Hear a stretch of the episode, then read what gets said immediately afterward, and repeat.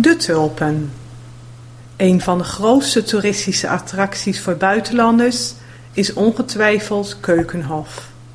De bloemenvelden in het voorjaar. Zelf ben ik er nooit geweest. Ik ken alleen de mooie gekleurde vergezichten waar ik altijd van genoot als ik in de trein tussen Amsterdam en Rotterdam zat. Ik weet wel dat Keukenhof in het voorjaar, eind april en mei echt een grote aanrader is om te bezoeken. Mijn zus is er recentelijk geweest, samen met haar Zweedse man en schoonmoeder, en ze vonden het erg de moeite waard.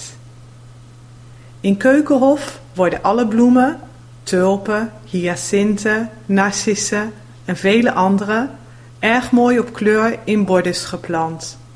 Het is zodanig gedaan dat er in alle periodes van het voorjaar dingen in bloei staan. Nederlanders houden van bloemen. Ook op de markt en in de bloemenwinkels kopen Nederlanders vaak een paar bossen snijbloemen.